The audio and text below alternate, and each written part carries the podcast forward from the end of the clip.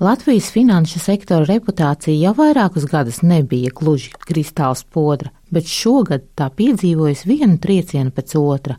ASV Finanšu ministrijas institūcijas FinCEN paziņojums par sankciju ieviešanu pret ABLV banku, kas esot iesaistīta sistemātiskā naudas atmazgāšanā, tam sekojoša noguldījumu aizplūšana no bankas un kredītiestādes akcionāru lēmums sākt bankas pašlikvidāciju, Latvijas bankas prezidenta Ilmāra Rimšēviča aizturēšana un apsūdzības ar korupciju saistītos noziegumos, Eiropas padomas ekspertu komitejas Monivol lēmums noteikt Latvijai pastiprinātu kontrolas režīmu. Šie notikumi metuši ēnu ne tikai uz banku pasauli, bet arī raisījuši jautājumus par banku uzraugu spēju kontrolēt šeit notiekošo. Šā gada 1. jūnijā Noziedzīgi iegūtu līdzekļu legalizācijas novēršanas dienesta vadītājas amatā stājās juriste Ilze Znotiņa. Viņas priekštecis Viesturs Burkāns šo dienestu vadīja kopš tā izveidošanas pirms 20 gadiem, Znotiņa pēdējo pusgadu. Es esmu satikusi kolosāls kolēģis vienreizēja jauka komanda, ļoti spējīga komanda. Um, no mana viedokļa, no cilvēka, kas nāca no privātā sektora, kas ir vienmēr sagaidījis ārkārtīgi augstu iniciatīvu no kolēģiem un, un, un tādu spēju pastāvīgi strādāt.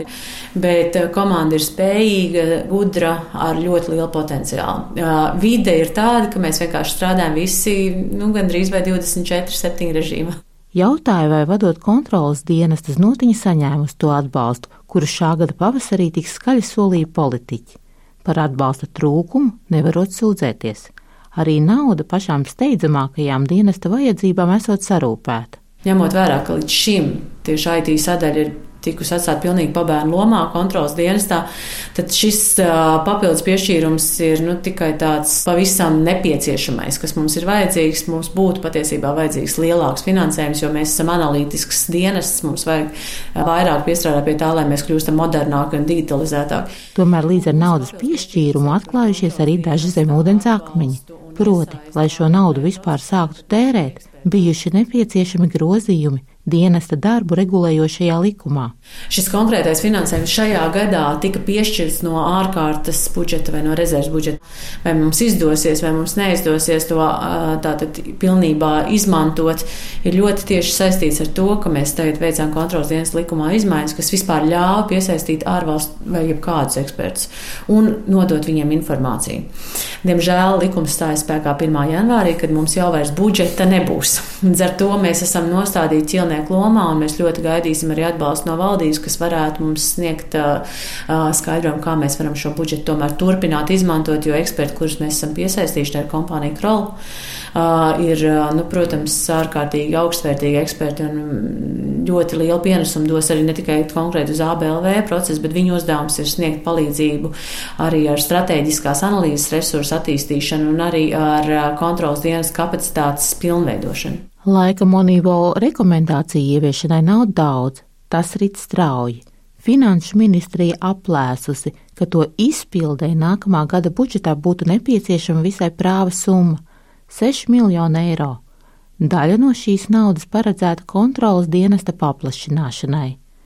Tāpēc šobrīd dienesta vadītāja Ilzas Notiņa ar pieaugošām bažām vēro ielgušo valdības veidošanas procesu. Viss tas, kas ar, saskaņā ar pasākumu plānu bija plānots kā jaunu piešķirts budžets mums, kas ļāva rēķināties ar 16 jaunām amata vietām, attiecīgi atalgojumu paaugstināšanu iespējams jaunu telpu meklēšanu tādēļ, ka mums pieaug štats. Tas viss tagad ir faktiski tā teikt karājās gaisā, un mēs nevaram saprast, ko mēs varam darīt. Tas apdraud mūsu spēju arī labi kontrolēt tās bankas, kas mums ir izrādījušās pietiekami toksiskas budžeta un, un, un, un tāds finansējuma jautājums, tas, protams, ļoti, ļoti šobrīd uh, rada bažas. Informāciju, kuru kontrolas dienests šo pavasari iesniedza Eiropas parlamenta īpašajai komitejai, liecina, ka pērn saņemti vairāk nekā 28 tūkstoši ziņojumu par iespējamu naudas atmazgāšanu vai terorisma finansēšanu. Znotiņa spriež, ka šogad šādu ziņojumu skaits būs krietni lielāks.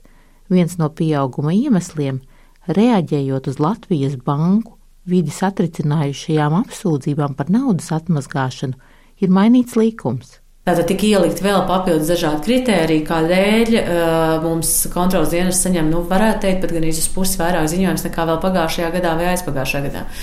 Un, attiecīgi, diemžēl domājot par jaunu prasību izveidošanu attiecībā uz ziņošanu, netika papildus domāts par to analītisko kapacitāti, vai mums ir spēja apstrādāt šo ziņojumu. Tomēr šis nesot vienīgais iemesls, kādēļ tagad kontrolas dienesta darbiniekiem jāspēj izskatīt vēl vairāk ziņojumu par iespējamiem finanšu noziegumiem. Tagad ir ārkārtīgi daudz cilvēku sadzirdējuši nosaukumu kontrols dienas, un mēs esam ļoti kļuvuši pieprasīti visdažādākajās sabiedrības slāņos un, un sektoros, un mums ziņo par visu. Tieši uz notiņai līdz nākamā gada rudenim būs jāpārliecina Monivolu, ka Latvijas iestāžu spējas apkarot naudas atmazgāšanu ir ievērojami pieaugušas. Pretējā gadījumā valsts var nonākt tā dēvētajā pelēkajā sarakstā, kas nozīmētu lielas nērtības ne tikai baņķieriem. Vairāki banku pasaules pārzinātāji gan spriež, ka no kontrolas dienesta tiek gaidīts neiespējamais, jo, lai pārliecinātu ārvalstu ekspertus, vajadzīgas apsūdzības un notiesājošas tiesas spriedumi, bet Latvijas tiesu varas dzirnas mēdz būt visai lēnīgas. Madara Friedrichsone, Latvijas radio.